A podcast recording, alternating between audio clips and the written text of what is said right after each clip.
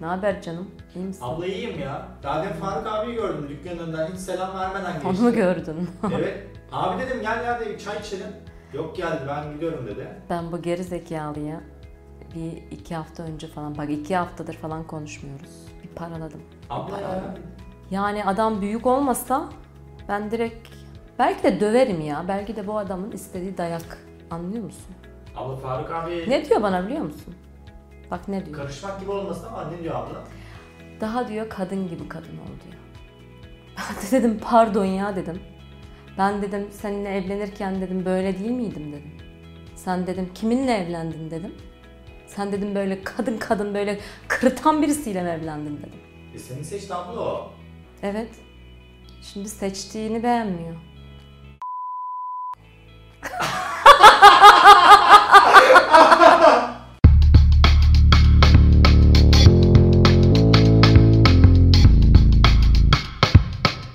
Merhaba ben Gülen. Afroditlik kesin bende var mıdır videosuyla karşınızdayım. Cevap veriyorum. Eğer kendine böyle bir soru soruyorsan demek senin Afroditlikle ilgili bir mevzun var. O zaman bu şu demek. Kesin senin içinde uyandırılmayı bekleyen bir dişi tanrıça var. Şimdi biraz teorik bilgi de vermek istiyorum. Ee, David Deida'dan bahsetmek istiyorum. Biliyorsunuz onun kitaplarını daha önceki videolarda da bahsettim size. O diyor ki kadınların %80'inde dişil öz var. Tamamen kendi gözlemlerine dayanarak, böyle bir bilimsel araştırmaya dayandırarak söylemiyor bunu.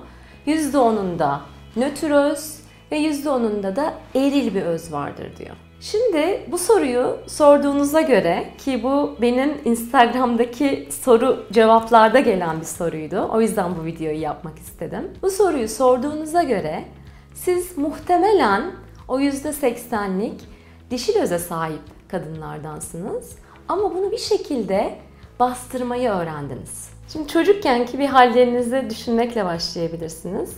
Ben çok net hatırlıyorum. Bayağı böyle kırmızılar giymek istiyordum. Şu an üzerimde olmasa bir tesadüf olmasa gerek. Kırmızı böyle fırfırlı bir eteğim vardı. Onu e, teyzemin nikahına giymiştim. O etekle kendimi o kadar güzel, o kadar mutlu hissediyordum ki. Ve küçükken ben dans etmeyi, bildiğiniz oryantal, böyle göbek atmayı da çok severdim. Ve onunla da ilgili şöyle bir anım var. Teyzem muhtemelen çok daha böyle iyi niyetli bir yerden gelerek beni bir gün böyle sahnede kendimden geçmiş oryantal yaparken sahneden almıştı. Başka erkek çocukların bana baktığını düşündüğünden ve muhtemelen de beni korumak istediğinden. İşte böyle küçük anlarla ve biz kendimizi korumak istedikçe ki ataerkil toplumda yaşıyoruz. O yüzden hani kendimizi korumak öğretiliyor bize.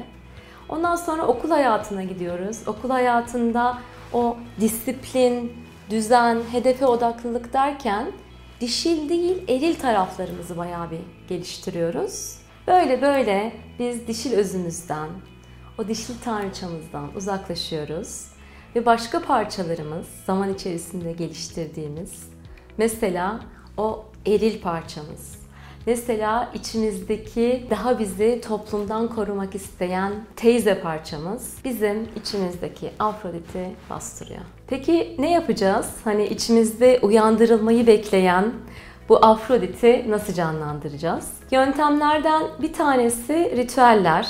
Daha önceki ben videolarımda bahsettim. Onlara bakın lütfen. İkincisi bu hangi parçalarımız bastırıyor Afrodit'i? Hangi rollerimiz bastırıyor? Ki onu da başka videolarımda bahsettim. Bir de üçüncüsü var ki bu videoda size minik bir hediye olarak vermek istiyorum. O da bir çocukluğunuzu hatırlamanız ve çocukluğunuzdaki o dişi özünüzü hatırlayarak onunla bağlantıya geçmeniz. Benim önerim o çocukluğunuzdaki o anları oturup yazmanız düşünmek yerine. Çünkü yazdıkça o ana başka şeyleri tetikleyecek. Belki biraz daha bilinç dışınızın o altlarına doğru ineceksiniz.